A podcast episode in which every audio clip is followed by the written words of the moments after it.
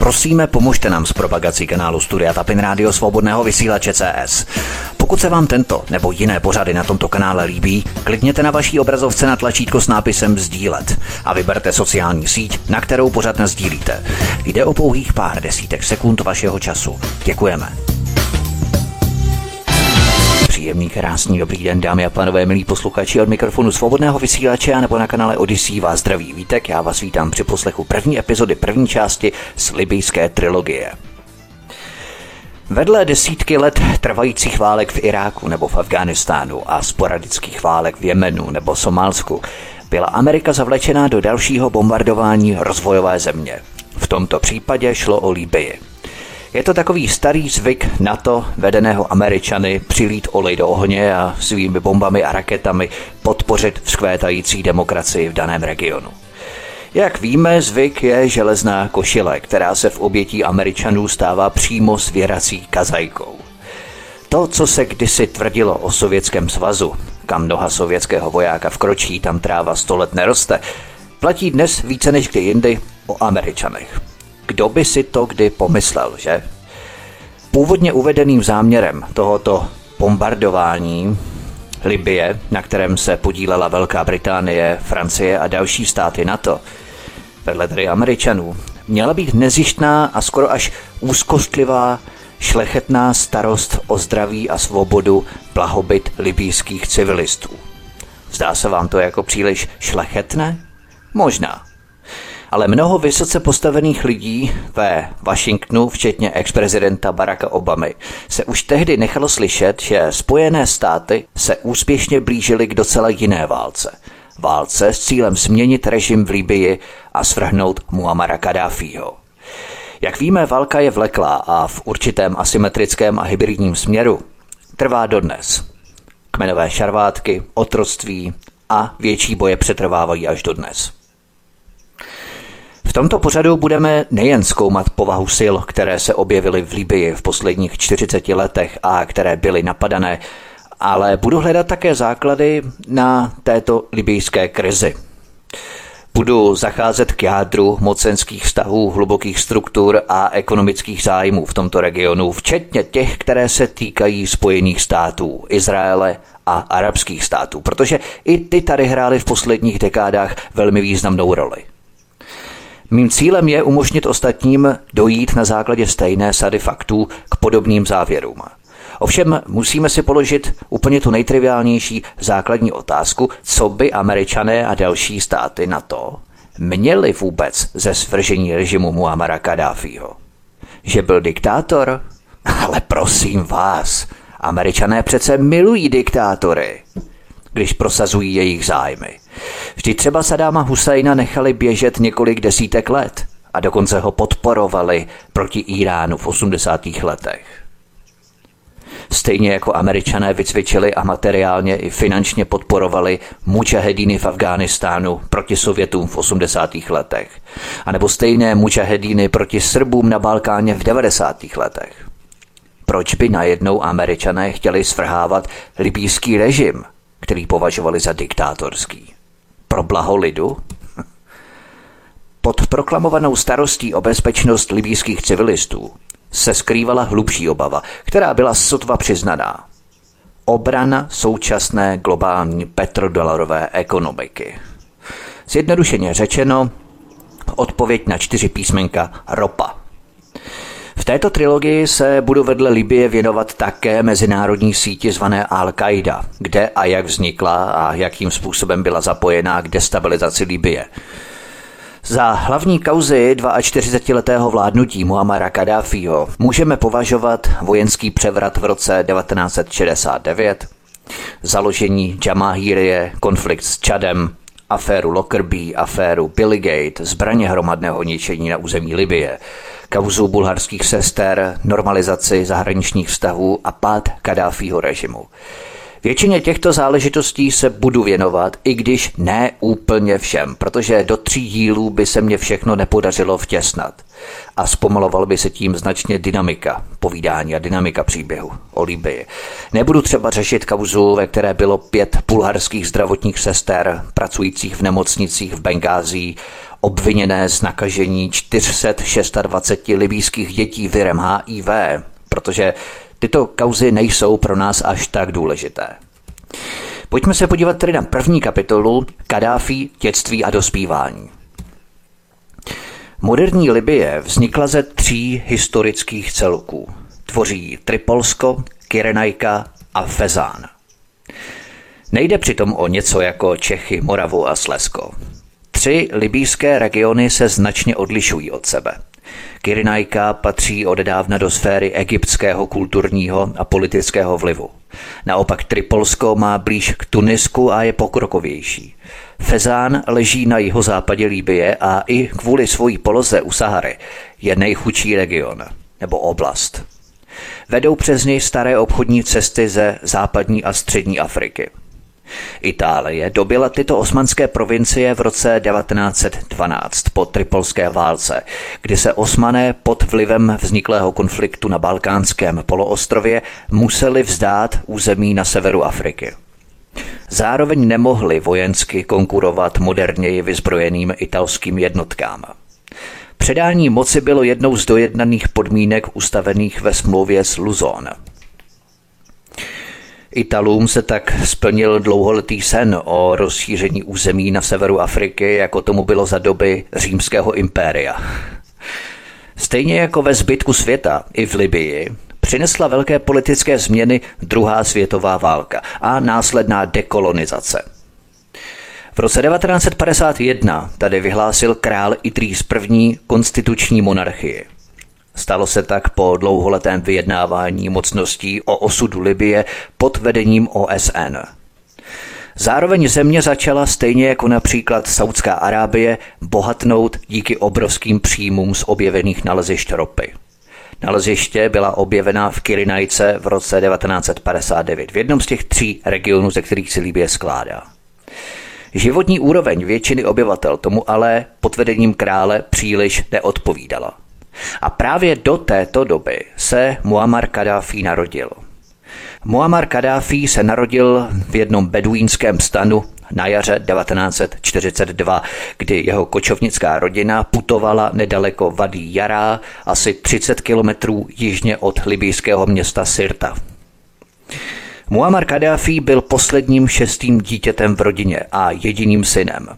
Proto byl jeho otec šťastný, že jeho rod bude pokračovat a proto svého syna pojmenoval Muammar, což znamená žít dlouho. Ve věku devíti let byl Muammar poslaný do madrasy, islámské vzdělávací a náboženské instituce. Protože se jeho rodina neustále toulala, kočovala při hledání dobrých pastvin, Muammar musel proto vyměnit postupně tři školy. V Sirtě, Sebze a Misurátě. V chudé beduínské rodině neměli žádné peníze. V rodině se stal jediným, kdo získal vzdělání. Po absolvování základní školy pokračoval ve vzdělání na střední škole ve městě Sebha. Právě tady Muammar vytvořil první podzemní mládežnickou organizaci, jejímž cílem bylo svrhnout vládnoucí monarchický režim. Předtím, jak víme, byla Libie italskou kolonií. Po získání nezávislosti v roce 1949 vládl v zemi král Idris I. Muammar Kadáfi byl horlivým obdivovatelem egyptského vůdce a prezidenta Kamala Abdel Násira, zastánce socialistických a panarabských názorů. Muammar se zúčastnil protestů v roce 1956 proti izraelským akcím během suezké krize.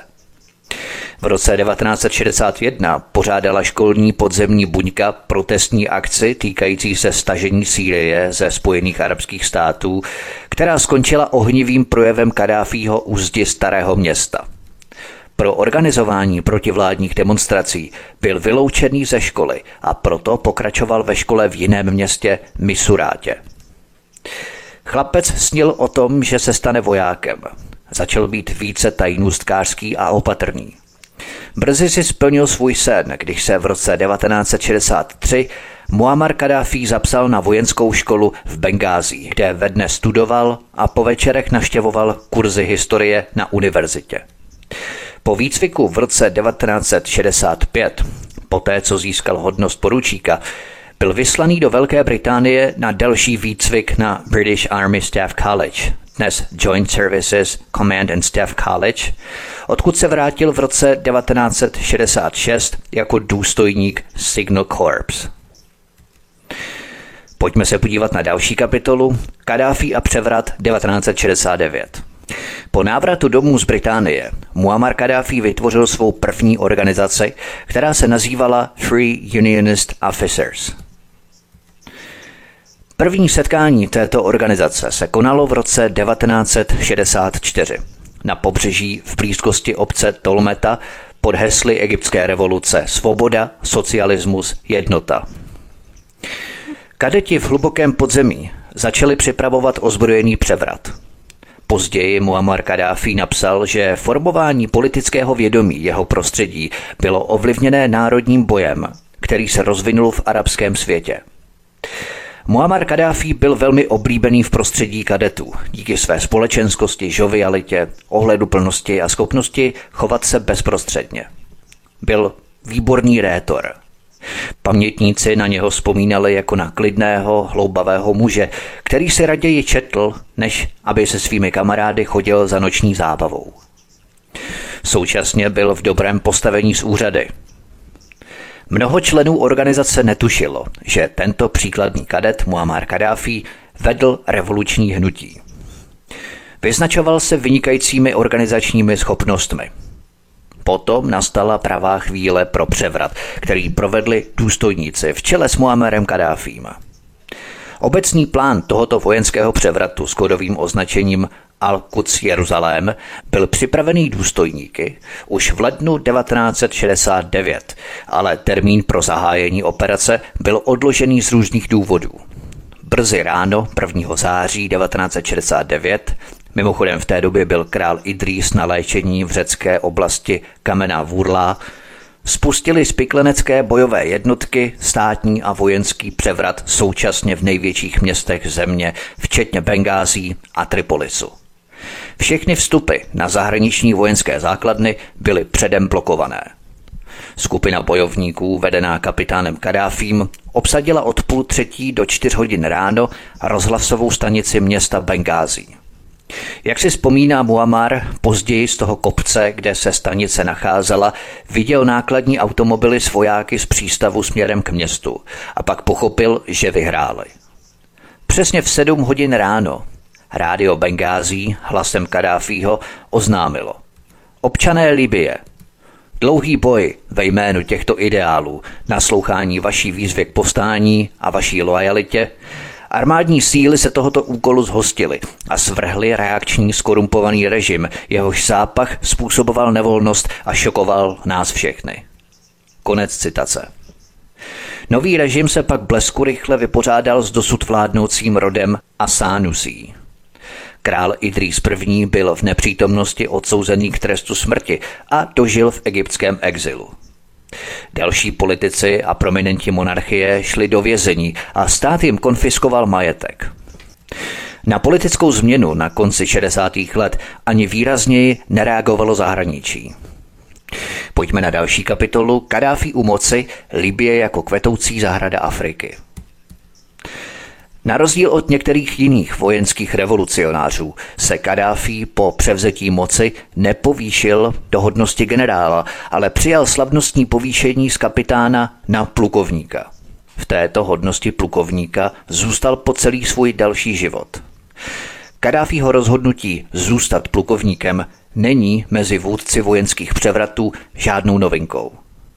Kamal Abdel Nasir zůstal plukovníkem i po převzetí moci v Egyptě a Jerry Rawlings, prezident Ghany, neměl vyšší vojenskou hodnost než letecký poručík. Stejným způsobem třeba vládli Salvadorské republice podplukovník Oscar Osorio v 50. letech, podplukovník José Maria Lemus a podplukovník Julio Adalberto Rivera. Plukovník Kadáfi se tedy stál hlavou země, hlavou Libie a začal realizovat starou myšlenku, která ho pohltila. Úplnou jednotu Arabů. Brzy po převratu byly uzavřené americké a britské vojenské základny. Na území Libie byl zakázaný alkohol a hazard a znárodněné ropné rafinérie.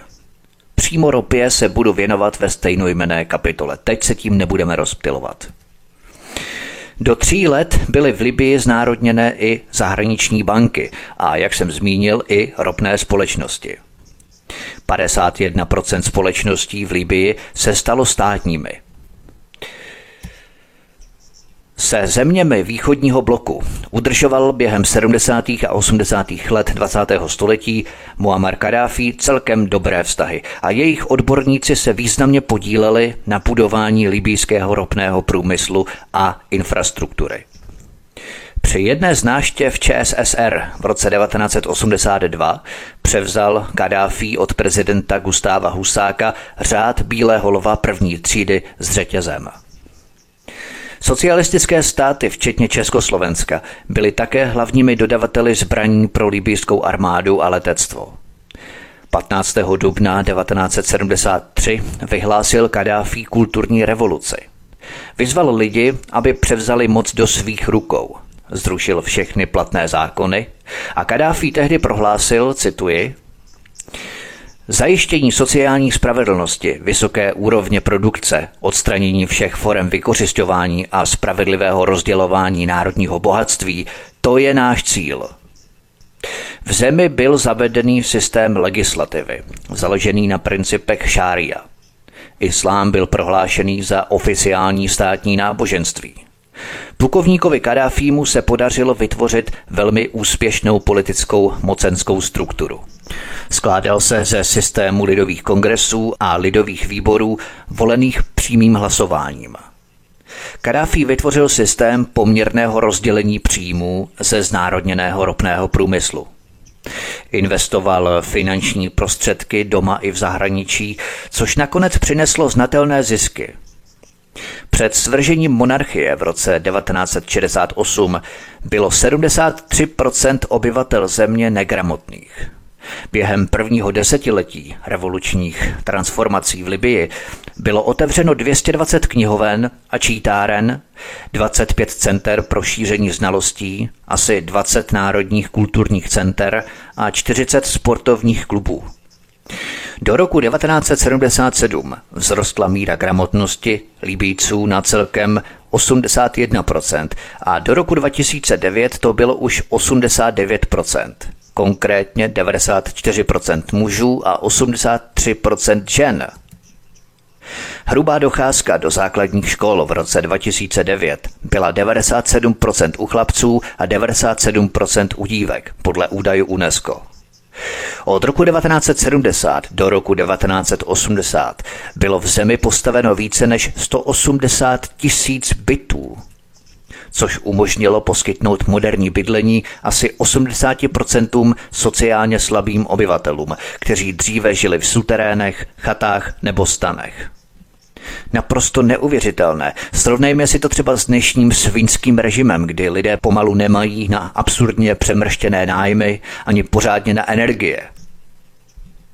Je to stejný koncept jako Hugo Chávez ve Venezuele, který se také snažil zisky z ropy rozdělovat lidem – proto Mezinárodní zločinecký syndikát tyto osvícené vládce tak nesnášel a očernují je jako nějaké krvelačné stvůry a bestie, lidožrouty a tak dále. Ale prostě ty fakta jsou neúprosná. V důsledku Karáfího vlády se Libie stala zemí s nejvyšším indexem lidského rozvoje v Africe.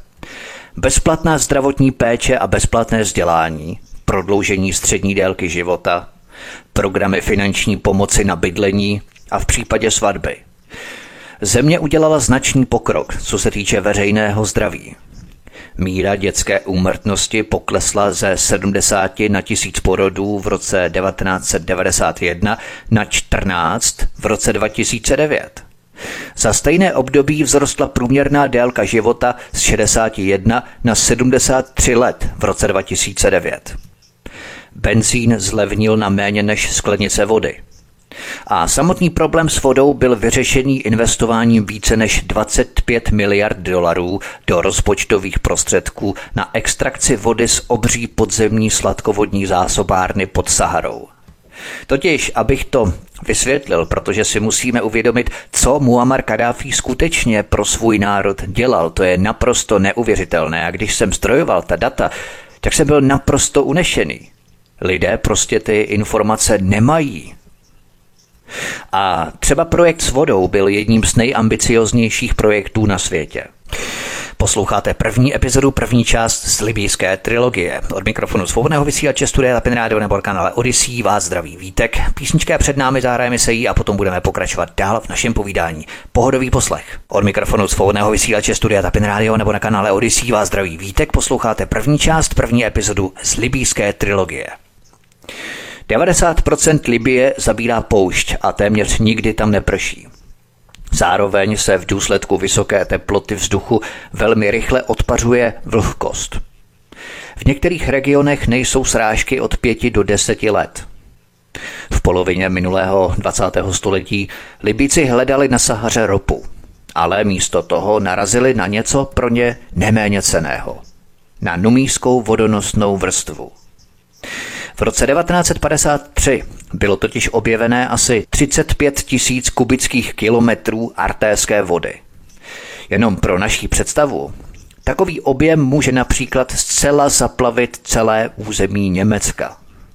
Jeho rozloha je 357 021 km čtverečních. Některé odhady uvádějí dokonce přes 2 miliony kilometrů čtverečních a hloubka takové nádrže je zhruba asi 100 metrů. Je to největší známý podzemní zdroj fosilní sladké vody, která se nachází ve východní poušti Sahary. Pokrývá hranice čtyř zemí v severovýchodní Africe. Zásoby vody jsou v skutku nepředstavitelné. To se málo ví, nebo skoro vůbec se to neví, ale Libie je nejbohatší zásobou čisté sladké vody – v 60. letech se objevily první myšlenky na konstrukci obřího zavlažovacího systému. Všechno ale začalo až v první polovině 80. let.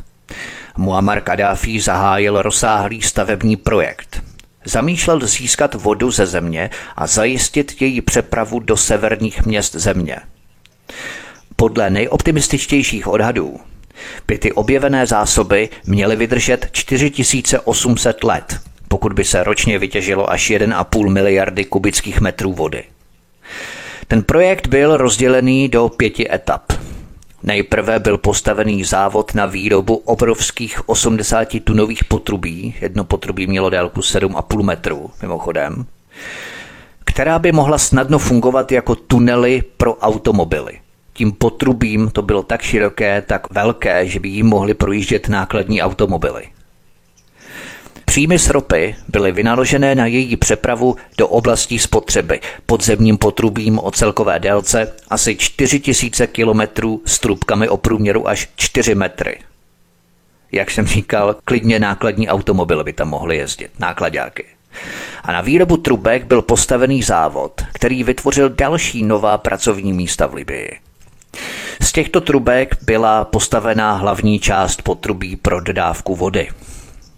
Aby se mohla zrodit velká umělá řeka, přijeli do země pracovníci předních zahraničních společností.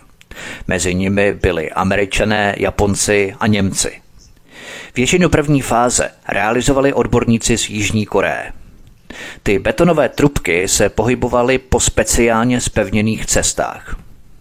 Jak jsem uvedl, jejich celková délka byla něco přes 4000 kilometrů. Byly vyrobené s očekáváním, že by jimi mohla bez problému projít těžká technika. První etapa navíc zahrnovala výstavbu 1200 kilometrů dlouhého potrubí. Pro pokládání toho potrubí byly vykopané obrovské příkopy. Ta vodní síť musela být umístěná v hloubce 6 metrů pod zemí. Celkem bylo přemístěno asi 85 milionů metrů krychlových půdy. Náklady na první fázi toho projektu činily téměř 5 miliard dolarů. Ve druhé etapě z těch pěti etap, která začala v roce 1989, bylo vodovodní potrubí přivedené do Tripolisu, největšího města a hlavního města Libie, s cílem zajistit pro ní a sousední území denní zásoby vody v objemu jednoho milionu kubických metrů. Ve třetí etapě z těch pěti byla spojená skupina Oáz, Kufra a Bengází, druhého největšího města v zemi. V posledních dvou etapách se měla postavit odbočka do města Tobruk. Všechno se mělo spojit do jednoho systému poblíž města Sirte. Výsledkem byl obrovský systém potrubí, akvaduktů a nádrží. Celkem bylo vyvrtáno více než 1300 vrtů a významná část z nich má hloubku více než 500 metrů, půl kilometru pod zemí. Obrovský akvadukt se táhl více než 3000 kilometrů. Začal přepravovat vodu ze čtyř hlavních podzemních vodonosných vrstev v Jižní Libii. Před zahájením občanské války v roce 2011 bylo možné realizovat tři z pěti etap a pokračovat ve čtvrté. Tento Kadáfího úžasný výtvor je známý jako řeka vytvořená člověkem. Pomocí této velké řeky, vytvořené člověkem, dokázali Libíci zajistit pro zásobování měst a obydlených oblastí 6,5 milionu kubických metrů sladké vody pro 4,5 milionu lidí. Zemědělství představovalo 70% její spotřeby. Díky tomuto projektu se v zemi objevily velké farmy. Ty začaly pěstovat v Libii pšenici, ječmen, zeleninu a citrusové plody. Tato velká řeka vytvořená člověkem byla původně koncipovaná nejen k zásobování obyvatel vodou, ale také ke snížení závislosti na dovážených produktech. Díky tomu se ukázalo, že rozšíření zelené zóny na sever a západ země, západ Libie, pomohlo zabránit dalšímu rozšiřování pouště Sahary. Velká výstavba stála Libii impozantní částku. Podle různých zdrojů by celkové náklady na projekt činily asi 25 miliard dolarů. Většina plánů už byla realizovaná. Dokončení projektu bylo naplánované zhruba do roku 2015. Je ohromné, že země dokázala všechno zvládnout vlastními silami. Peníze byly získané z daní tabáku, pohoných hmot a také příjmu z ropy. Ve třetí fázi výstavby v roce 2008 byla velká umělá řeka zařazená do Guinnessovy knihy rekordů jako největší zavlažovací komplex na světě. Západní média se samozřejmě zdráhala tento megalomanský projekt posvětit, i když z hlediska rozsahu díla je toho málo, co by se s tím dalo srovnávat. Jenom třeba jaké byly náklady na výrobu potrubí. Každý kus trubky, dlouhý 7,5 metru, jak jsem říkal, vyžadovalo 8 kilometrů karbonizovaného kovového drátu. Celková délka toho drátu na celé potrubí stačila k tomu, aby se 230krát obtočila kolem planety Země. Kameny a písek vynaložené na výrobu potrubí by stačily na stavbu 16 pyramid v Gíze. Z cementu použitého při realizaci projektu by bylo možné postavit dálnici z Tripolisu do Moskvy a pokračovat v ní až do Petrohradu. Objektivně se Libícům podařilo vytvořit skutečný strojírenský zázrak. Pomocí toho bylo možné zavlažovat tisíce hektarů půdy a změnit region doslova před očima. Kadáfi se prostě rozhodl proměnit Afriku nebo respektive Líbii v kvetoucí zahradu. V roce 2011 se ale výstavba zastavila kvůli stupňující se občanské válce. Přirozeně nebyl čas na zavlažovací projekty. Když si uvědomíme, že letadla sil NATO, tedy francouzů, Britů, Američanů hlavně, přesně cíleně a zlomyslně bombardovali v roce 2011 přesně ta potrubí. Zákeřně rozflákali tuto úžasnou strukturu potrubí, které bylo napojené na ty obrovské zásoby vody pod Saharou. Oni prostě záměrně zlovolně vysušili Libii, aby vytvořili krizi. Vytvořili krizi, sucho, hlad, bídu, chudobu. A co myslíte, že lidé budou v takovém prostředí dělat? No seberou se a půjdou do Evropy. Tam, kde je voda. Protože jim tam letadla na to všechno rozmlátili na padrť. celý tento megalomanský ohromný systém. V posledních letech se v tisku často objevují články o nedostatku pitné vody v Libii. Také kvůli hrubému zacházení, nedostačné údržbě na stanicích a ozbrojeným útokům je infrastruktura zásobování vodou zničená. Velká umělá řeka postupně ztrácí svou velikost. Nebyl nikdo, kdo by sloužil velké řece vytvořené člověkem. V Tripolisu, Bengází a v poušti už není voda. Podle odborníků by se v případě úplné realizace tohoto projektu a neexistence překážek pro jeho hladké fungování mohla ze severní Afriky stát světová vodní zásobárna. Svým vodním projektem by Libie mohla zahájit skutečnou zelenou revoluci. Projekt by vyřešil také mnoho potravinových problémů v Africe – a co je nejdůležitější, zajistil by stabilitu a ekonomickou nezávislost, což jistě bylo tou největší překážkou pro mezinárodní zločinecký syndikát, který potřebuje státy krotké, poddajné a lehce odíratelné. Ale to nebylo všechno. Po více než 40 letech Kadáfi prosazoval ekonomickou demokracii a používal bohatství plynoucího ze znárodněného ropného průmyslu k financování sociálních programů pro všechny Libíce. Za Kadáfího vlády se Libíci těšili nejen bezplatné zdravotní péči a bezplatnému vzdělání, ale také bezplatné elektřině a bezúročným půjčkám. Platy v Libii v roce 2010 činily v průměru 1050 až 6000 dolarů za měsíc. Podle různých zdrojů více než polovina příjmu z ropy šla na sociální potřeby. V zemi prudce klesla nezaměstnanost. Většina občanů měla vlastní byty, televizi a videorekordéry. Byly vybudované univerzity a nemocnice, které splňovaly světové standardy.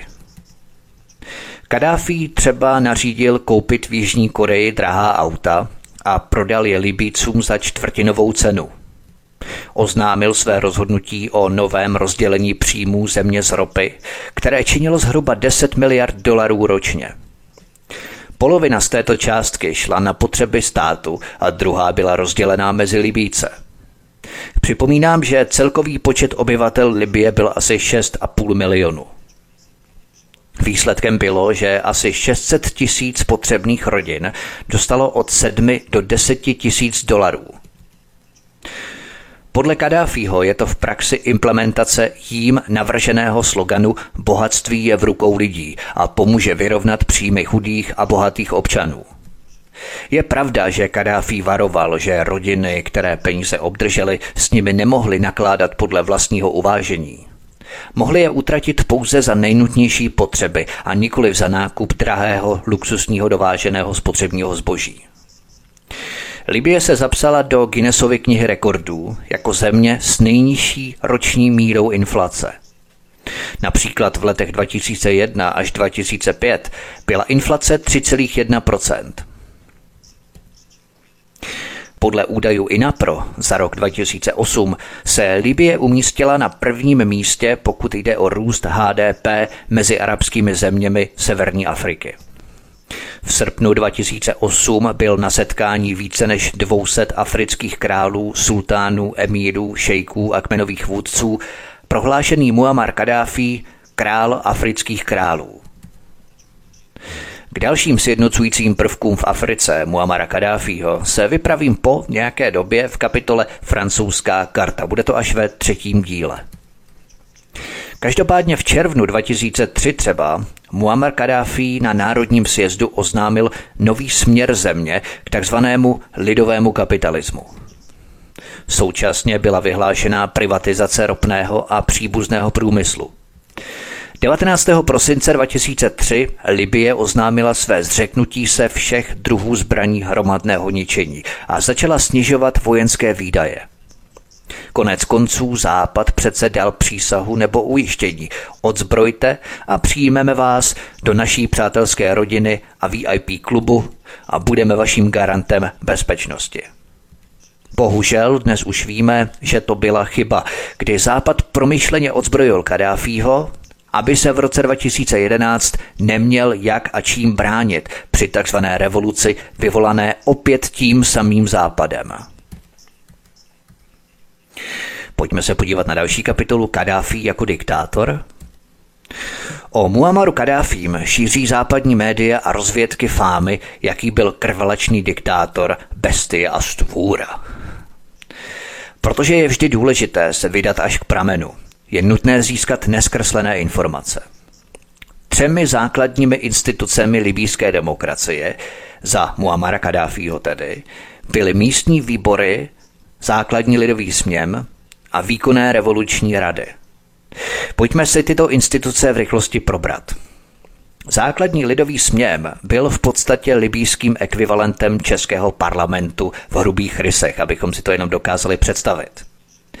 Jenže tento libýský lidový směm se neskládal pouze ze zvolených zástupců, jako u nás, kteří probídali a navrhovali zákony ve jménu lidu. Tento základní lidový sněm umožňoval všem Libícům se tohoto procesu přímo účastnit. V celé zemi bylo založeno 800 těchto základních lidových sněmů a všichni Libíci se jich mohli dobrovolně účastnit. Utvářet národní politiku a činit rozhodnutí o všech hlavních otázkách, včetně dokonce rozpočtů vzdělávání, průmyslu a ekonomiky.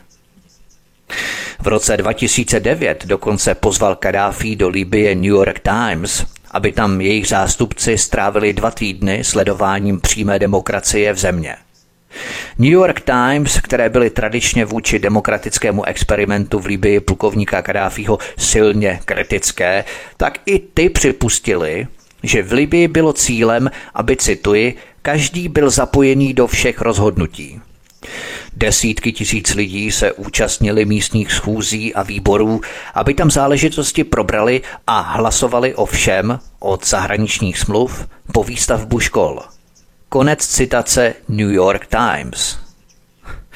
To je panečku diktatura, co říkáte? Tím základním rozdílem mezi západními demokratickými systémy a přímou demokracií líbíské Jamahírie bylo, že v Libii bylo všem občanům umožněné vyjádřit svůj názor přímo. Ne pouze v parlamentu složeném z pár set bohatých politiků, ale ve stovkách výborů, kterých se účastnili desítky tisíc běžných občanů. Libie za Kadáfího nebyla ani zdaleka vojenskou diktaturou a byla nejvíce prosperující africkou demokracií. Při řadě příležitostí byly dokonce návrhy samotného Muamara Kadáfího odmítnuté v lidovém hlasování během lidového sněmu a byl schválený opak, který byl uzákoněný. Například při mnoha příležitostech Muammar Kadáfi navrhoval zrušení trestu smrti a tlačil dokonce, a teď dobře poslouchejte, na upřednostnění domácího vyučování před tradičními školami. Co nám to jenom připomíná? Komunitní domácí vzdělávání. Moderní trendy výuka dnes. Nicméně lidové sněmy chtěli zachovat trest smrti a klasické školy a vůle lidí zvítězila. Podobně i v roce 2009 předložil plukovník Kadáfi návrh v podstatě zrušit centrální vládu zcela a dát veškeré příjmy z ropy přímo rodinám. Lidové sněmy odmítly tuto myšlenku také. Na rozdíl od západu Libíci nevolili jednou za čtyři roky prezidenta a bohatého místního poslance, který pak činil všechna rozhodnutí za ně. Běžní Libíci rozhodovali o zahraniční, domácí a ekonomické politice sami. Politický systém za Muamara Kadáfího bych tu mohl rozebírat mnohem déle a také, když jsem zdrojoval ta data, byl jsem naprosto fascinovaný vyspělostí demokracie, kterou bychom i my mohli jenom tiše závidět. Takže když do nás někdo, a je jedno, jestli média nebo nějaký neinformovaný ignorant, bude ládovat žvásty o krvelačné šelmě a diktátorovi Muammaru Kadáfím, odkažte ho prosím klidně na tuto trilogii. Pojďme se podívat na další kapitolu Kadáfi jako terorista. Ve druhém díle mého trojdílného cyklu Saddam Hussein jsem velmi podrobně a obšírně rozebíral, jak západní společnosti jak evropské, tak i americké, dodávali plnými hrstmi v 80. letech Saddam Husajnovi do Iráku plány a projekty pro výrobu chemických a biologických zbraní. Kromě Iráku působili zejména němečtí dodavatelé také v Líbii a Sýrii. Saddam Hussein, Hafiz Assad a Muammar Gaddafi rádi vyhověli korporátním a vojenským zájmům obou Němecek. Západoněmecké korporace obchodovaly především se zbožím a špičkovými technologiemi. Východoněmecká armáda dodávala výcvik a plány. Existuje jedna celkem dobře zdokumentovaná epizoda, která ilustruje, jak daleko jsou někteří dodavatelé ochotní zajít pro své klienty. Od roku 1984 pracovala společnost Imhausen Chemie prostřednictvím krycích společností libýských úředníků, aby obešla kontroly vývozu. Tato západoněmecká společnost dokonce postavila falešnou továrnu v Hongkongu, aby celou šarádu dokončila. Dodavatelé společnosti Imhausen Chemie, včetně společností Siemens, Toshiba a ITT, věřili, že prodávají své zboží legálnímu podniku se sídlem v Hongkongu. Ale místo toho jejich zboží skončilo v tajných továrnách v Libii. Když byli mezinárodní inspektoři vpuštění do Libie po roce 2003, tak odhalili v Libii několik tun chemických zbraní a také aktivní program jaderných zbraní. V polovině 80. let byl Kadáfí na západě všeobecně považovaný za hlavního financovatele mezinárodního terorismu. Kadáfí byl údajně hlavním financovatelem hnutí Černého září, které spáchalo masakr na letních olympijských hrách v Mnichově v roce 1972. Spojené státy ho také obvinili, že byl zodpovědným za přímé řízení bombového útoku na západoberlínskou diskotéku La Belle 5. dubna 1986, při kterém zahynuli tři lidé a více než 200 jich bylo zraněno, přičemž značnou část z nich tvořili američtí vojáci. Údajně také zaplatil Carlosi Šakalovi za únos a následné propuštění několika saudsko-arabských a iránských ministrů ropného průmyslu. V roce 1984 byla před libýským velvyslanectvím v Londýně zastřelená britská policejní konstábelka Ivon Fletcherová, když dohlížela na demonstraci proti Kadáfímu. Předpokládalo se, že jí zabil výstřel ze samopalu uvnitř budovy, ale libýští diplomaté se dovolávali své diplomatické imunity a byli repatriovaní zpět do Líbie. Tento incident vedl k přerušení diplomatických vztahů mezi Velkou Británií a Libí na více než 10 let. Koncem roku 1987 byla zadržená obchodní loď NV Exant. Na lodi Exant byla nalezená velká zásilka zbraní a výbušnin dodaných Libií, která byla určená pro severoirskou IRA – Britské spravodajské služby se domnívaly, že to nebylo poprvé a že libyjské zásilky zbraní se k Ira dostaly už dříve. Vraťme se ale ještě k jedné události, která byla překážkou vztahů mezi Libií a Západem. 21. prosince 1988 byl na obloze nad skotským městem Lockerbie vyhozený do vzduchu Boeing 747 americké letecké společnosti Pan Am číslo 103, který letěl z Londýna do New Yorku, v důsledku čehož zemřelo 270 lidí, všichni pasažéry letadla a členové posádky. Podezření z tohoto útoku zpočátku padlo na teroristy z Lidové fronty za osvobození Palestiny, jakož i na iránské úřady, ale brzy generální prokurátor Skotska Lord Fraser formálně obvinil dva členy libýské státní služby. Abdel Aseta al-Mohameda a Al-Almína Khalifa Wuhamu. Jenomže tento útok měl své temné pozadí. V prosinci 1988 rozzuření agenti americké vojenské rozvědky formálně protestovali kvůli odhalení spoluúčasti CIA na obchodu s heroinem na Blízkém východě. Když byly ty týmy z obou agentur povolané zpět do Washingtonu, aby se účastnili domácího vyšetřování a řízení, nastoupili na led Penem číslo 103 lidé z militantního křídla Hezbaláhu vedené Ahmedem Jibrilem, jeho synovcem Abu Eliášem Abutem a Abu Nidálem.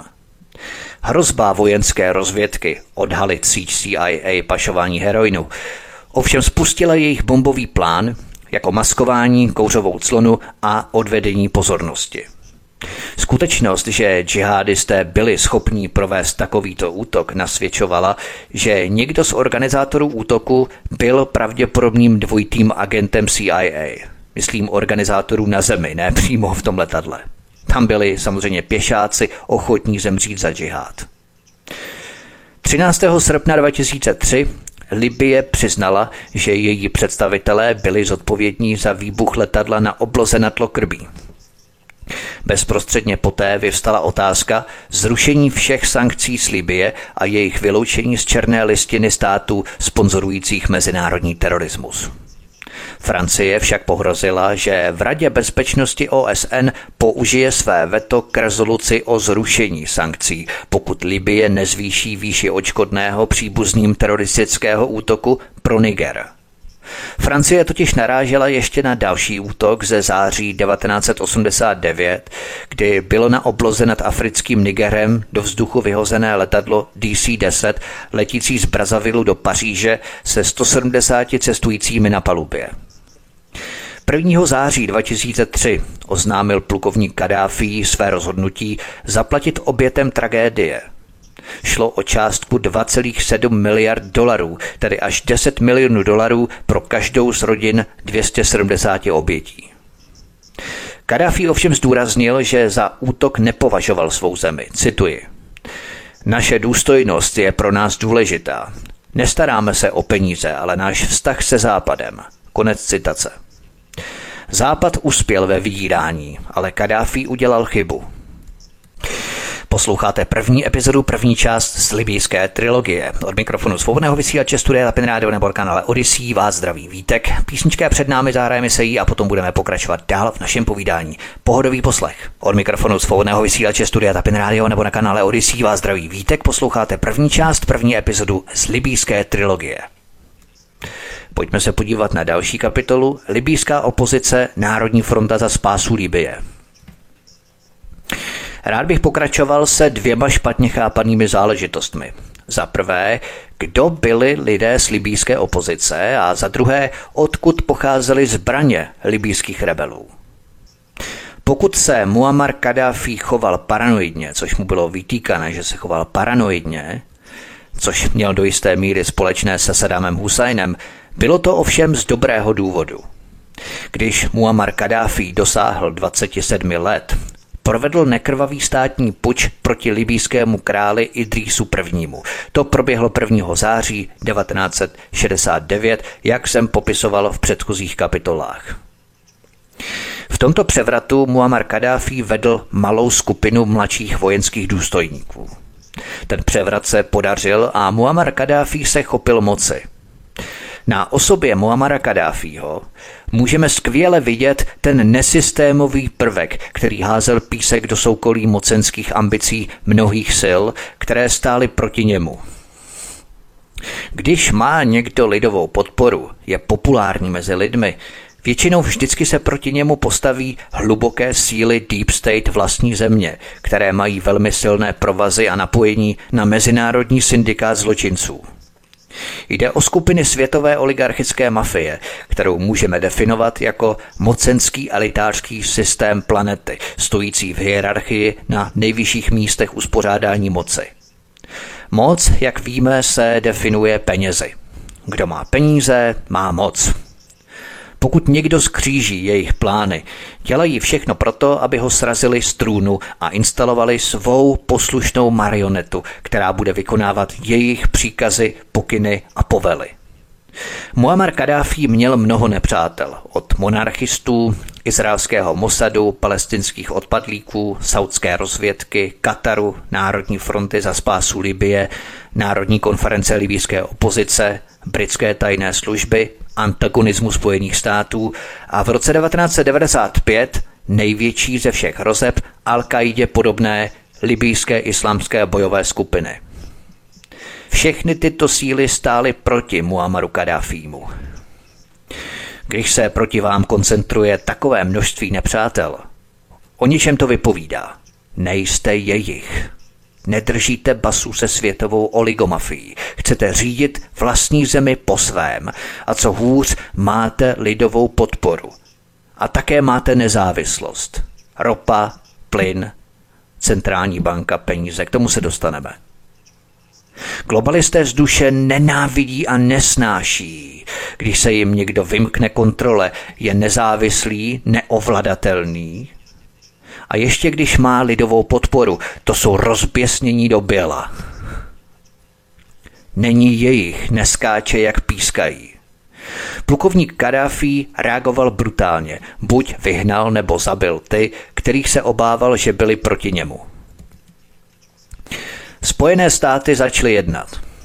Před další částí, o které vám budu za chvilku vyprávět, musím popsat velmi stručně, samozřejmě, situaci Libie a Čadu, protože to je velmi historické. Libie a Čad. Libie byla totiž zapojená do územního sporu se sousedním Čadem o pásmo Auzů, které obsadila v roce 1973. Tento spor nakonec vedl k libýské invazi do Čadu a ke konfliktu, který byl ukončený příměřím uzavřeným v roce 1987. Spor byl nakonec urovnaný mírovou cestou v červnu 1994, kdy byla libýská vojska stažená z Čadu při plném respektování rozsudku Mezinárodního soudního dvora, který byl vydaný 13. února 1994. Proto zmiňuju tyto historické souvislosti Libie s Čadem. Právě z tohoto důvodu, z prozaického důvodu. Totiž s cílem svrhnout Muamara Kadáfího, Izrael a Spojené státy vycvičili protilibijské rebely v řadě západoafrických a středoafrických zemích. Africký důvěrný zpravodajec, který sídlil v Paříži, informoval 5. ledna 1989, že Spojené státy a Izrael vytvořili řadu základen v Čadu a dalších sousedních zemích, aby tam cvičili 2000 libýských rebelů zajatých čadskou armádou.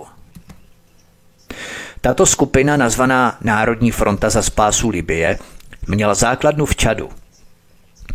Oficiální americké záznamy uvádějí, že financování tajné války vedené z Čadu proti Libii bylo prováděné také Saudskou Arábií, Egyptem, Marokem, Izraelem a Irákem. Saudové například darovali opoziční skupině Národní fronta za spásu Libie, podporované také francouzskou rozvědkou a CIA, 7 milionů dolarů ale plán zavraždění Kadáfího a převzetí vlády 8. května 1984 byl zmařený. V následujícím roce 1985 Spojené státy požádali Egypt, aby provedl do Libie invazi a svrhl plukovníka Kadáfího. Ale prezident Husný Mubarak odmítl. Koncem roku 1985 Washington Post tento plán odhalil poté, co američtí kongresmeni napsali prezidentu Ronaldu Reaganovi protestní dopis. Mimochodem, tato Národní fronta za spásu Libie byla součástí Národní konference libýské opozice, pořádané v roce 2005 v Londýně. Právě Velká Británie tuto organizaci finančně podporovala už od jejího vzniku, stejně jako američané. Národní fronta za spásu Libie uspořádala svůj národní kongres o dva roky později, tedy v červenci 2007, také ve Spojených státech. Máme tu tedy první z opozičních sil proti Muammaru Kadáfímu, Národní fronta za spásu Libie. Tato skupina nebyla nic jiného než vycvičení polovojenští žoldáci se základnou v Čadu, které podporoval Izrael, saudská rozvědka a samozřejmě britská i americká rozvědka. Pamatujme si tedy polovojenské žoldáky ze skupiny Národní fronta za spásu Libie. Ty budou hrát hlavní roli v převratu a v občanských nepokojích v roce 2011. Pojďme na další kapitolu Libýská opozice, Národní konference libýské opozice. Hlavní skupinou, která vedla v spouru proti Muammaru Kadáfímu v roce 2011 i předtím, byla Národní konference libýské opozice. Do této organizace patřila samozřejmě i naše Národní fronta za spásu Libie.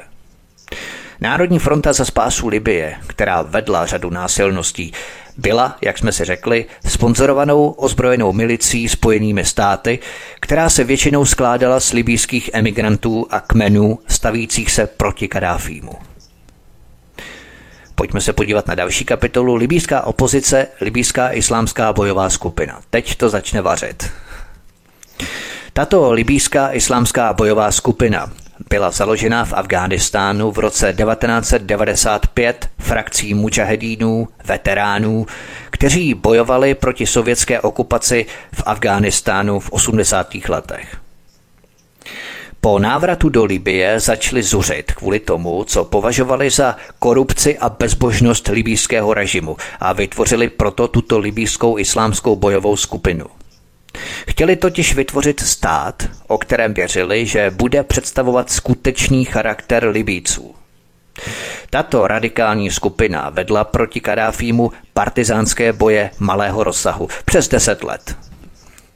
V říjnu 1993 došlo k neúspěšnému pokusu a atentát na Kadáfího ze strany příslušníků libýské armády.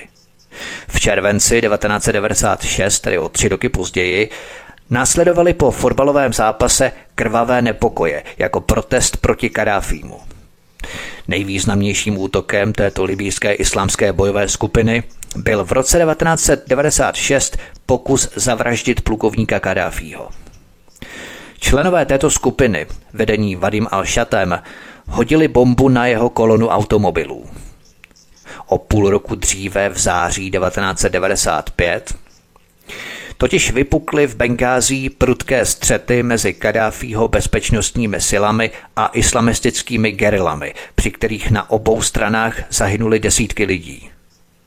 Tato skupina také organizovala útoky na vládní bezpečnostní síly v gerilovém stylu ze svých základen v horách. Libýská islámská bojová skupina zavraždila desítky libýských vojáků a policistů. Ačkoliv většina členů této libýské islámské bojové skupiny byla přísně oddaná svržení plukovníka Kadáfího, výzvědné informace ovšem naznačovaly, že někteří se přidali k silám Al-Kaidy, aby vedli džihad proti libýským a západním zájmům na celém světě. Spojení této libýské islámské bojové skupiny s Al-Kaidou se budu věnovat podrobně v příštích kapitolách, ale pojďme dál.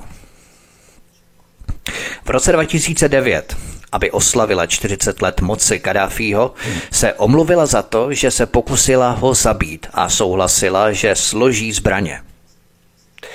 Britská tajná služba MI6 byla v minulosti obviněná z její podpory. Ještě se k tomu dostanu přímo v kapitole Velké Británie. Šest vůdců této skupiny, kteří byli uvěznění, své staré způsoby popřeli a vysvětlili, proč boj s plukovníkem Kadáfím už nepředstavoval legitimní džihad. Abdul Hakim al-Asadi, další osvobozený člen libýské islámské bojové skupiny, oficiální tvrzení popřel, cituji. Kadáfí se pokouší lidi rozdělit, řekl televizi Al Jazeera. Abdul Hakim al-Asadi tvrdil, že existoval islámský emirát v Derně a že on byl emírem. Oblast Derna ve východní Libii je proslavená jako domov velkého počtu sebevražedných atentátníků v Iráku. Byla také hluboce nepřátelská vůči Kadáfímu. Obyvatelé východní Libie obecně a Derny obzvláště pohlíželi na kmen Kadatfa, což byl kmen, ze kterého Kadáfí pochází, jako na nevzdělané a neotesané vetřelce z bezvýznamné části země, kteří ukradli právo vládnout v Libii. Přesně to bylo řečené americkým diplomatům v roce 2008 v telegramu zveřejněném Wikileaks. Posledních 110 členů libýské islámské bojové skupiny bylo osvobozeno 16. února 2011, tedy den po začátku libýského povstání. K propuštěným patřil Abdul Wahab Mohamed Kaid, bratr Abu Yahia al-Liby, jednoho z vrcholných propagandistů Al-Kaidy. Pojďme se podívat na další kapitolu Začátky Al-Kaidy.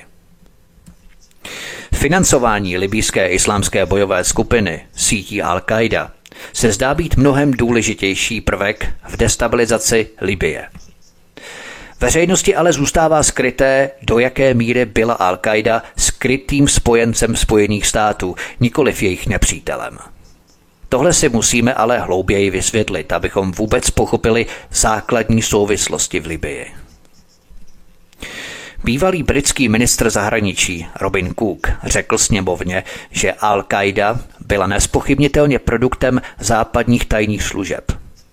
Robin Cook vysvětlil, že Al-Qaida, což v arabštině doslova znamená základna, byla původně počítačovou databází tisíců islamistických extrémistů, kteří byli vycvičení CIA a financovaní Saudy, aby porazili Rusy v Afghánistánu. Islámský stát v Iráku a Sýrii používal jiný název, a to Al-Qaida v Iráku. Tento islámský stát se ukotvil v dnešní Líbii pod vedením Abdelhakima Belhadže. Dokonce Fox News připustilo, že tomuto vůdci islámského státu v Libii se kdysi dvořila Obamova vláda, členové amerického kongresu a že byl velkým spojencem Spojených států při svrhávání Kadáfího. Ovšem za vůbec nejdůležitější považuji namapování začátků al kaidy které probíhaly v srdci Ameriky, konkrétně ve městě New York. To bude pro mnohé z nás tak šokující informace, že se jí mnozí z nás budou zdráhat vůbec uvěřit, ale sdělím vám základní fakta, která jsou prostě nepopiratelná a nespochybnitelná. V mešitě Al-Fauk v newyorském Brooklynu bylo zřízené centrum Al-Kifa, americká náborová kancelář pro takzvanou arabsko-afgánskou cizineckou legii. A právě tady v tomto centru Al-Kifa se rekrutovali mužahídi, kteří byli letecky převážení do Afghánistánu, kde se připojili ke svým spolubojovníkům bratrům ve zbrani proti Sovětskému svazu. Stále noví a noví američtí arabové byli do této svaté války proti Sovětům rekrutovaní přímo ve Spojených státech, v této brooklynské mešitě Al-Fauk. Tato arabsko-afgánská cizinecká legie, rekrutovaná v brooklynské mešitě Al-Fauk, byla základem pro budoucí Al-Qaidu. Ukážu vám teď, jak americká vládní ochrana klíčových postav brooklynského centra Al-Kifa, mešity Al-Fauk, ponechala některým z nich volnou ruku, i když se vědělo, že se dopustili zločinů, aby se zapojili do dalších teroristických činů ve Spojených státech, například do prvního bombového útoku na Světové obchodní centrum v těch podzemních garážích v roce 1993. Toto brooklynské centrum Al-Kifa v mešitě Al-Fauk které v 80. letech podporovalo arabské Afgánce bojující v Afghánistánu, obrátilo v 90. letech svou pozornost k Bosně. V anglicky psaném zpravodaji Al-Kifa al-Husam, v překladu meč, se také začaly pravidelně objevovat aktuální informace o akcích džihádu v Bosně. Spravodaj pod kontrolou přisluhovačů šejka Omara Abdala Rahmána agresivně podněcoval sympatizující muslimy, aby se sami připojili k džihádu v Bosně i v Afghánistánu. Bosenská pobočka Al-Kifa v chorvatském záhřebu, sídlící v moderní dvoupatrové budově, byla zjevně v úzkém spojení s organizačním ústředím v New Yorku. Zástupce ředitele záhřebské kanceláře Hasam Hakim přiznal, že veškeré příkazy a finanční prostředky dostával přímo od hlavní americké kanceláře Al-Kifa na Atlantic Avenue, kterou kontroloval Sheikh Omar Abdel Rahman. V tomto podpůrném programu, americkém podpůrném programu rekrutace džihadistů, pomáhal jeden z instruktorů Al-Kifa, američan Rodney Hampton – který rekrutoval bojovníky ze základen americké armády, jako je Fort Belvoir, a také je cvičil na bojovníky v New Jersey. V roce 1995 byl rodný Hampton souzený a odsouzený za svou roli spolu s vůdcem Al-Kifa, šejkem Muhammarem Abdelem Rahmánem ve spiknutí, jehož cílem bylo vyhodit do povětří New Yorkské památky – U soudu rodný Hampton vypověděl, jak mu saudský korunní princ Faisal na saudském velvyslanectví ve Washingtonu osobně poskytl tisíce dolarů na tento projekt. Přibližně v té době přijel Ayman Zawahri, později vůdce al kaidy do Ameriky, aby scháněl finanční prostředky v Silicon Valley v Kalifornii, kde ho hostil Ali Mohamed. Ali Mohamed byl americkým dvojitým agentem a veteránem speciálních jednotek americké armády, který byl nejlepším školitelem v centru Al-Kifa. Vy, kteří jste poslouchali můj pořad Psychologie Deep State, si možná vzpomínáte na tohoto Ali Mohameda. V 80. letech minulého století tento Ali Mohamed cvičil mujahídy podporované CIA v Afghánistánu.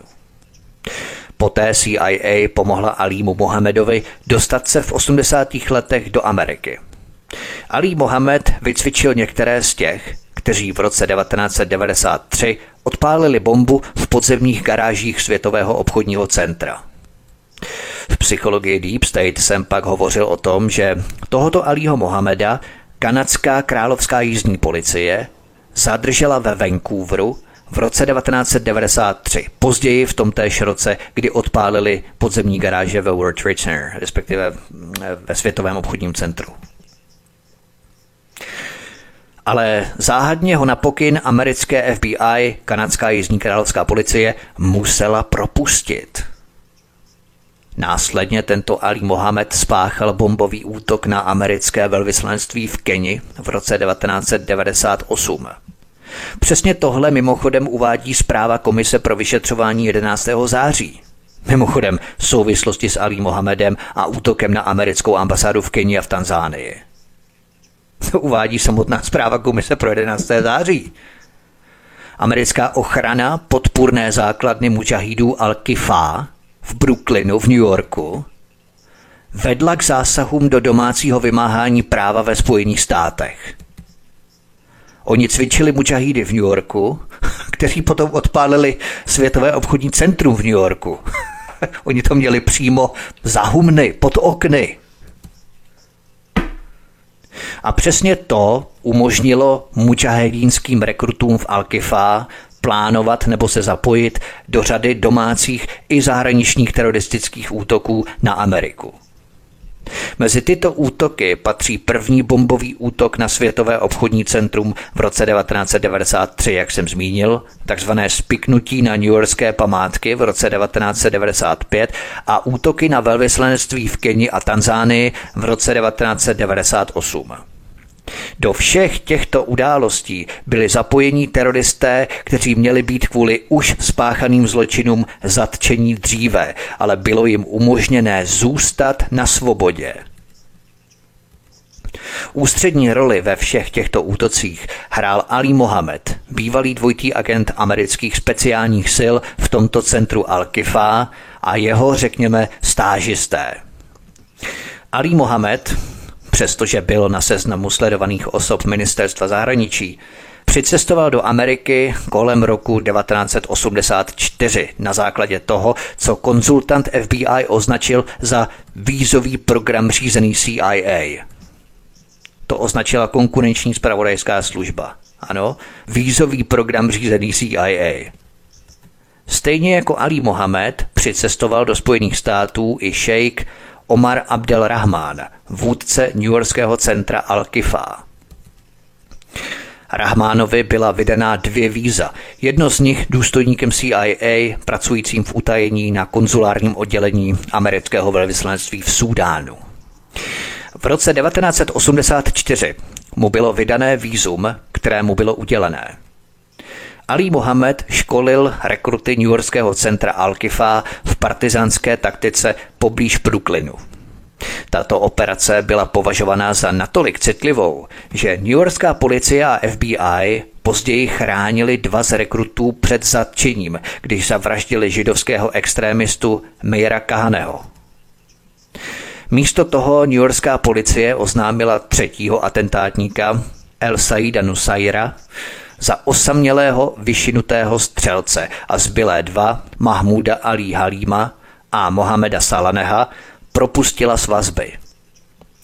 To umožnilo Abu Halímovi a Salamehovi spolu s dalším stážistou Alího Mohameda Nidalem Ajádem zúčastnit se o tři roky později prvního bombového útoku na Světové obchodní centrum. To jsou ti lidé, o kterých jsem hovořil, kteří v tomto útoku byli zapojeni. Byli to přesně ti teroristé, kteří byli cvičeni v New Jersey, americkou CIA a v Brooklynu nebo poblíž Brooklynu přímo v New Yorku.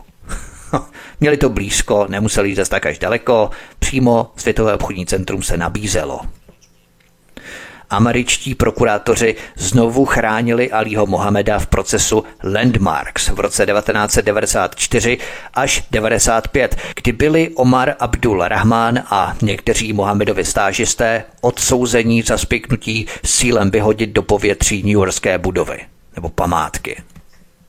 V tomto případě žalobce Patrick Fitzgerald označil Alího Mohameda za neobviněného spolupachatele, přesto ho nechal na svobodě. Když obhajoba vydala Mohamedovi předvolání k soudu, státní zástupce zasáhl, aby Mohamed nemusel vypovídat.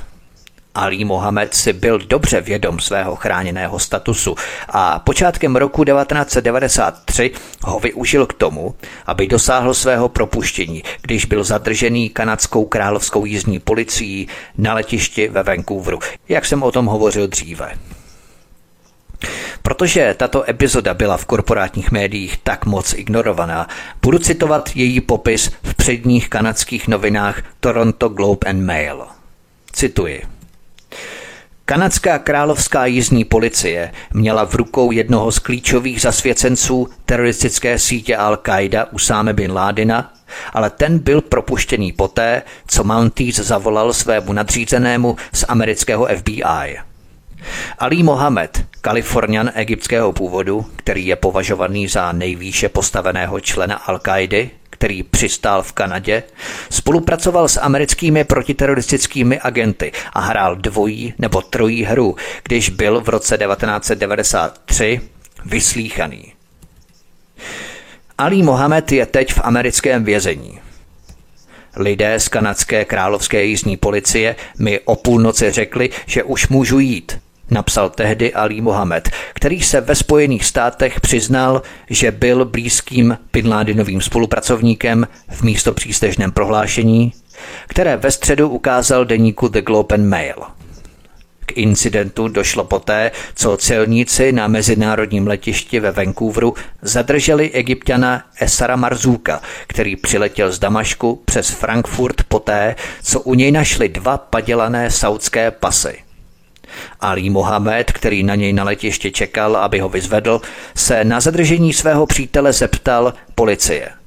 To zbudilo u královské jízdní policie zájem o Aliho Mohameda, ale ten jejich podezření rozptýlil tím, že jim oznámil, že byl spolupracovníkem FBI. Konec citace. Z tohoto příběhu Globe and Mail jasně vyplývá, že v roce 1993 měl Ali Mohamed už svého spojence v FBI, kterému kanadská královská jízdní policie důvěřovala.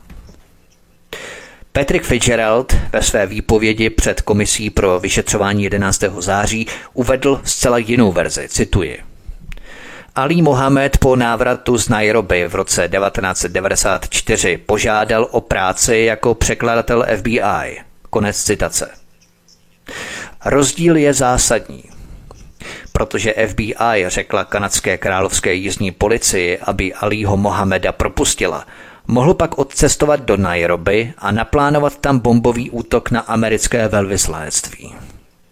Podle autora Petra Lence měl Patrick Fitzgerald v roce 2007 dostatek důkazů, aby Aliho Mohameda zatkl a obvinil ho, ale neučinil tak. Místo toho Aliho Mohameda vyslechl v Kalifornii spolu s agentem FBI Jackem Cloonanem. Po tomto rozhovoru se Patrick Fitzgerald rozhodl Aliho Mohameda nezatknout, ale místo toho odposlouchával jeho telefon a počítač. Peter Lenz si klade velmi důležitou otázku. Obával se Patrick Fitzgerald, že jakékoliv obvinění hlavního špiona Al-Kaidy by zvedlo pokličku z let hrubé nedbalosti tří nejlepších amerických spravodajských služeb. Měsíc po bombových útocích na velvyslanectví byl Ali Mohamed konečně zatčený, a to 10. září 1998. Když ale Patrick Fitzgerald o dva měsíce později vynesl 13 obvinění, Mohamedovo jméno mezi nimi nebylo. Místo toho mu Patrick Fitzgerald opět umožnil vyhnout se křížovému výslechu soudu tím, že přijal dohodu o přiznání viny, jejíž podmínky jsou dodnes částečně neznámé. Konkrétně neznáme dobu Mohamedova trestu.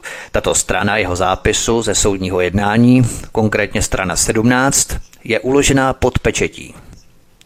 V rámci dohody o přiznání viny Ali Mohamed soudu sdělil, že na osobní žádost Usáme bin Ládina prováděl sledování amerického velvyslanectví v Keni. Pořizoval snímky, kreslil schémata a sepsal zprávu, kterou osobně doručil Usámu bin Ládinovi do Súdánu. Patrick Fitzgerald, státní zástupce, který dohodu o přiznání viny vyjednal, o Ali Mohamedovi podrobně vypovídal před komisí pro vyšetřování 11. září, která ve své zprávě konkrétně na straně 68 dospěla k závěru, že Ali Mohamed vedl bombovou operaci na velvyslanectví. Ironií osudu je, že bombový útok na velvyslanectví se později stal oficiálním důvodem, proč byl Ayman Závahrí, stejně jako před ním Usama Bin Laden, hledaný FBI a na jeho hlavu byla vypsána odměna 25 milionů dolarů. Posloucháte první epizodu, první část z libijské trilogie. Od mikrofonu svobodného vysílače Studia Tapin Radio nebo kanále Odyssey vás zdraví vítek. Písnička před námi zahrajeme se jí a potom budeme pokračovat dál v našem povídání. Pohodový poslech. Od mikrofonu svobodného vysílače Studia Tapin Radio nebo na kanále Odyssey vás zdraví vítek. Posloucháte první část, první epizodu z libijské trilogie. Široké veřejnosti ale bylo upřeno právo dozvědět se o podílu Ali Mohameda na dalších teroristických akcích. Zvláště důležitá byla jeho účast na 11. září 2001. Jak později uvedl jeho nadřízený Jack Clunem z FBI, Ali Mohamed mu vysvětlil, že osobně školil obviněné únosce v tom, jak se zmocnit letadel. Cituji. Prováděl pro al školení, jak unést letadlo. V Pákistánu vedl praktická cvičení a řekl, Takhle se na palubu dostanou řezačky na krabice. Vezmete nůž, odstraníte čepel, zabalíte ho do slovo začerněno a vložíte do příručního zavazadla. Přečetli si předpisy Federálního leteckého úřadu. Věděli, že 4 cm nůž neprojde. Takhle ho umístíte, řekl. Učil jsem lidi, jak sedět v první třídě. Vy sedíte tady a někteří sedí tady. Celé to popsal. A právě tento Ali Mohamed byl školitelem v brooklynském centru Al-Kifa, kde se rekrutovali američtí muslimové nejprve do Afghánistánu v 80. letech proti Sovětům a v 90. letech v Bosně proti Srbům. A tento Ali Mohamed hostil pozdějšího velitele Al-Kaidy Aymana al-Zahriho ve svém bydlišti v Kalifornii – Téměř jistě Ayman Závahrý scháněl finanční prostředky na podporu mužahídů v Bosně, což byl údajně v té době jeho hlavní zájem. Azijské vydání deníku Wall Street Journal nám uvedlo, že v roce 1993 Usama bin Laden jmenoval šejka Aymana Závahrýho druhým velitelem Al-Kaidy, aby řídil jejich operace na Balkáně – Pojďme se podívat na poslední kapitolu dnešního pořadu Al-Qaida v Bosně. Americké intervence na Balkáně a potom v Libii byly západními korporátními médii prezentované jako humanitární. Někteří washingtonští intervencionisté, včetně legendárního Václava Havla u nás, tomu možná skutečně upřímně věřilo. Clintonovy intervence v Bosně a Kosovu byly prezentované jako humanitární. Obě strany se ale v těchto konfliktech dopouštěly zvěrstev. Washington, podobně jako západní média, muslimská zvěrstva bagatelizovaly kvůli svým jiným zájmům. Většina Američanů si byla vědomá toho, že Bill Clinton vyslal americké jednotky do Bosny, aby prosadili Daytonské mírové dohody po dobře medializovaném srbském zvěrstvu masakru tisíců muslimů ve Srebrenici. Díky intenzivní kampani PR agentury Ruther Finn se američané a celý západ dozvěděli hodně o masakru ve Srebrenici, ale mnohem méně o stínání hlav a dalších zvěrstvech ze strany muslimů, která mu předcházela a pomohla ho posílit. Ve skutečnosti hlavním důvodem srbského útoku na Srebrenicu byla snaha vypořádat se s ozbrojenými útoky, vedenými z této základny na okolní vesnice – Generál Filip Morillon, velitel jednotek OSN v Bosně v letech 1992 až 1993, vypověděl před ICTY, Mezinárodním trestním tribunálem pro bývalou Jugoslávii, že muslimské jednotky sídlící ve Srebrenici podnikaly útoky během pravoslavných svátků a ničili srbské vesnice. Přitom masakrovali všechny obyvatele. To vyvolalo v regionu zcela mimořádnou míru nenávisti. Podle profesora Johna Schindlera cituji. Mezi květnem a prosincem 1992 muslimské jednotky opakovaně útočily na srbské vesnice v okolí Srebranice, zabíjeli a mučili civilisty, někteří byli zmrzačení a upálení zaživa. Dokonce i pro sarajevské zprávy připouštěli, že muslimské síly ve Srebranici zavraždili více než 1300 Srbů, a etnicky vyčistili rozsáhlou oblast.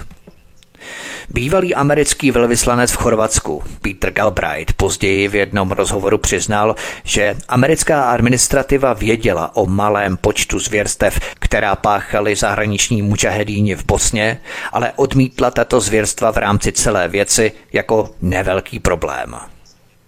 Jiné zdroje odhalily, že Washington dal tichou zelenou chorvatskému vyzbrojování a posilování muslimské přítomnosti ve Srebrenici. Brzy letadla C-130 Hercules, ze kterých některá, ale ne všechna, byla iránská, schazovala muslimům zbraně, čímž porušovala mezinárodní zbrojní embargo, které Spojené státy oficiálně dodržovaly. Dorazili také další arabsko-afgánští mučahedíni. Mnoho výsadků a někteří mučahedíni se nacházeli v Tuzle, 70 kilometrů od Srebrenice. Podle londýnského listu The Spectator Pentagon při tomto toku zbraní a bojovníků využíval i další země, například Turecko a Irán.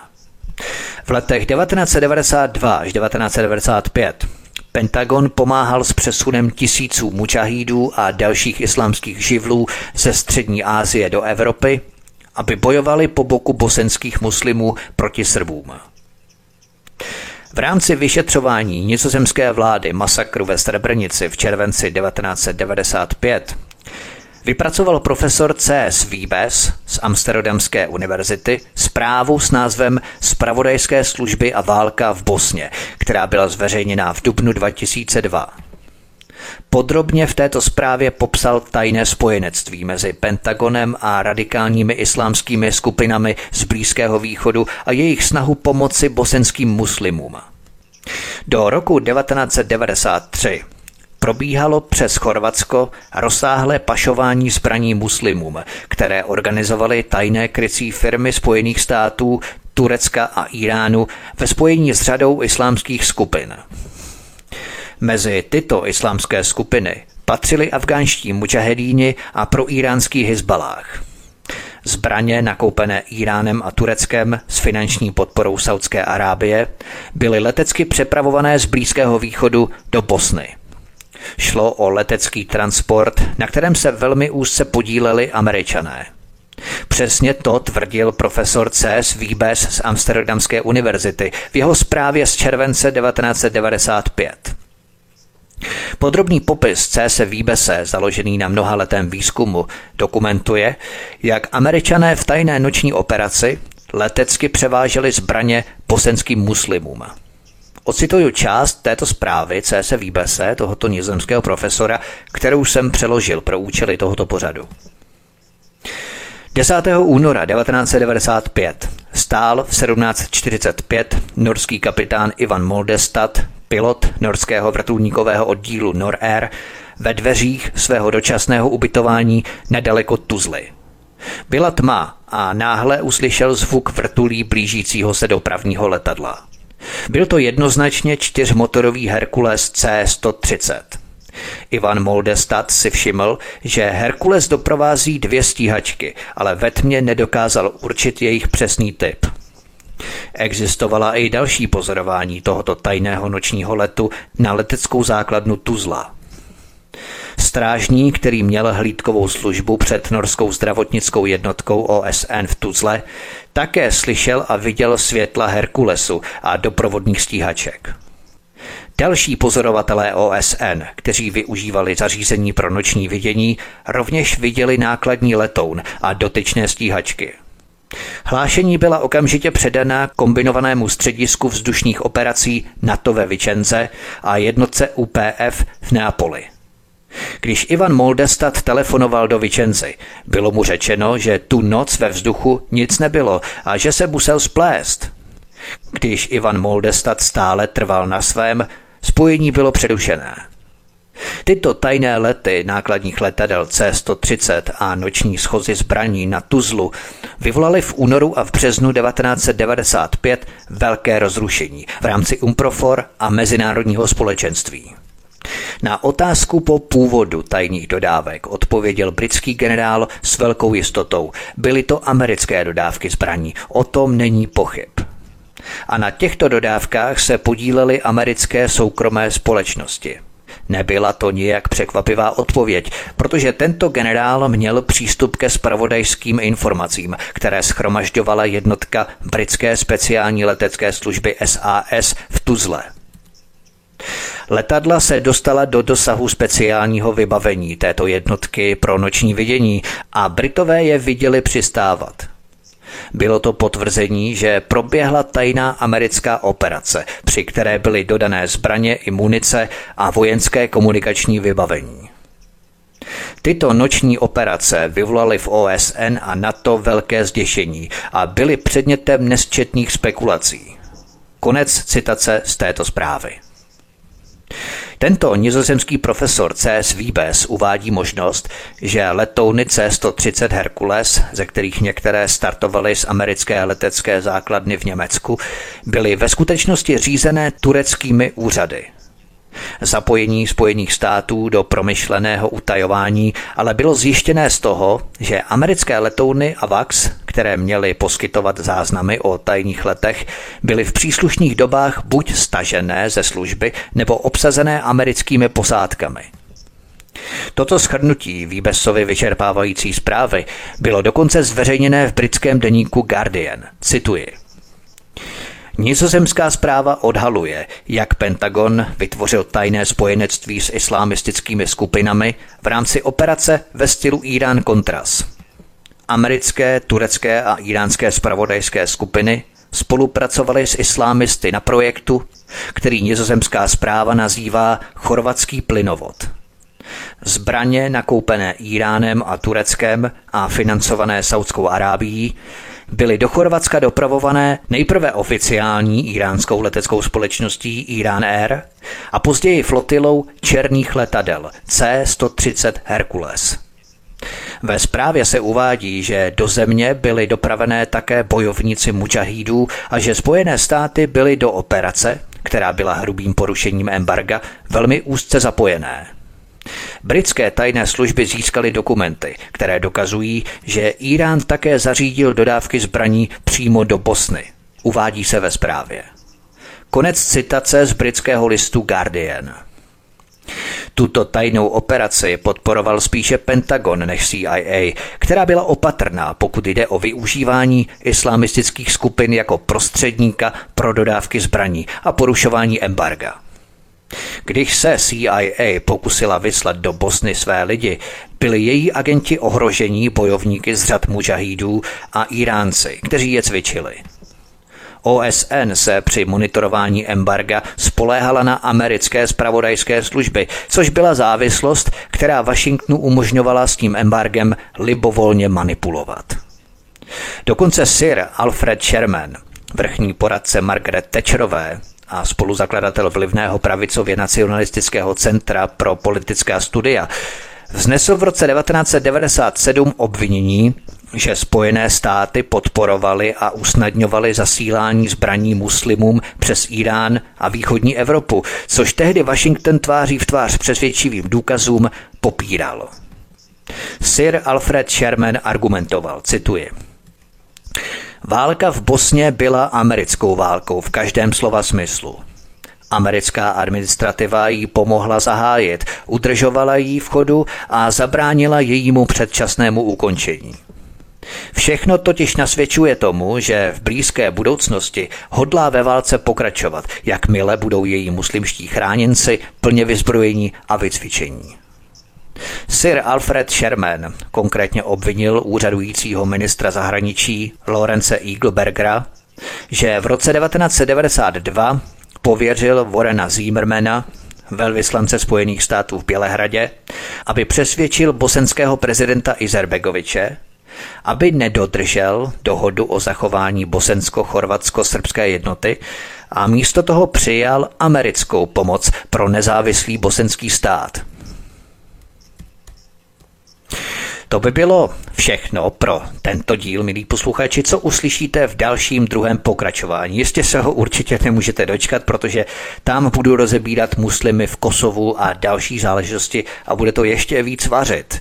Budu totiž pokračovat s bojovníky al na Balkáně, ale tentokrát se přesunu do dalšího dějství do Kosova, kde muslimští bojovníci v žoldu Američanů bojovali bok po boku kosovské osvobozenecké armády drogy, obchodování s lidskými orgány a tak dále. Bude to masakr.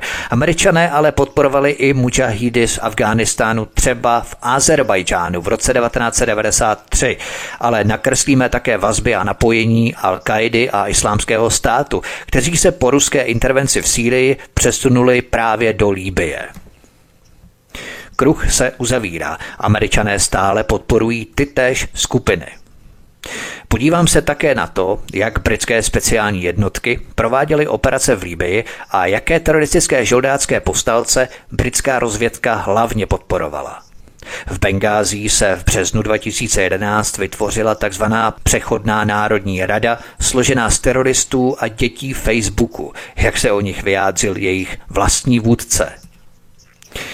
Potom se podíváme na kanály, kudy proudily zbraně do Líbie, povstalcům, žoldákům a teroristům proti Kadáfímu.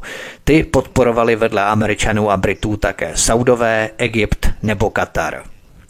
Podívám se také na otajněné dokumenty, příručky a manuály pro barevné revoluce. To bude šťavnaté a velmi zajímavé hutné. Tyto dokumenty totiž západní NGO sektor používal pro diskreditaci a ničení image Kadáfího, anebo dalších vůdců, které chtěli zrovna svrhnout. Týká se to třeba i Alexandra Lukašenka v Bělorusku. Jde to univerzálně jako přes kopídák. Řada fám, mýtů a lží, které se šíří západními médii, vždy, když potřebují někoho zdiskreditovat.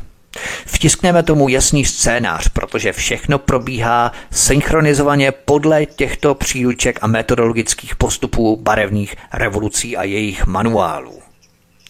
Důležité jsou také agentury, které si západní rozvědky najímají a které pozitivně vykreslují povstalce, zatímco očernují vládu, kterou chce Západ svrhnout. Vypravím se po stopách těchto agentur, které také PRovaly pro Západ zinscenovaný masakr v srbské Srebrenice. Druhý díl bude proto neméně zajímavý, proto si ho, milí posluchači, určitě nenechte ujít. Dozvíte se řadu zajímavých informací, které se nikde jinde nedozvíte. To vám garantuju. Pokud ano, dejte mi vědět. Každopádně budu se na vás těšit příště při poslechu druhé epizody z této libýské trilogie. Já budu samozřejmě rád, když se registrujete na kanál Odyssey, jako obvykle. Kliknete na tlačítko odebírat tento kanál i zvoneček, abyste nezmeškali další pořady. Zvoneček v rámci Turn on notifications, respektive zapnout, uh, já si už na to slovo, notifications, uh, upozornění, tak, upozornění, zapnout upozornění, abyste byli upozornění na vysílání dalšího pořadu. No a samozřejmě se na vás budu těšit, budu se těšit samozřejmě na vaše komentáře, postřehy, návrhy, doplnění, pokud něco máte, pokud víte třeba i něco dalšího. Budu rád, když se se všemi i se mnou s těmi vašimi informacemi podělíte. Nesmírně rád. To bylo všechno, prosím, sdílejte tento pořad na sociálních médiích, na Facebooku, na Twitteru, na VK, na jakékoliv platformě, včetně e-mailů v rámci rozesílání tohoto pořadu odkazu a jeho názvu, aby lidé věděli, na co klikají. To vás velmi žádám a prosím, protože to je velmi důležité, aby se k těmto informacím dostalo co nejvíce lidí. A já budu samozřejmě rád za to, když se ke mně připojíte k poslechu dalšího druhého dílu této libýské trilogie. Díky, od mikrofonu vás zdraví Vítek ze studia Tapin Radio na svobodném vysílači, případně kanálu Odyssey. Přeju vám hezký zbytek večera příště naslyšenou. Prosíme, pomožte nám s propagací kanálu Studia Tapin Radio Svobodného vysílače CS. Pokud se vám tento nebo jiné pořady na tomto kanále líbí, klikněte na vaší obrazovce na tlačítko s nápisem Sdílet a vyberte sociální síť, na kterou pořád sdílíte. Jde o pouhých pár desítek sekund vašeho času. Děkujeme.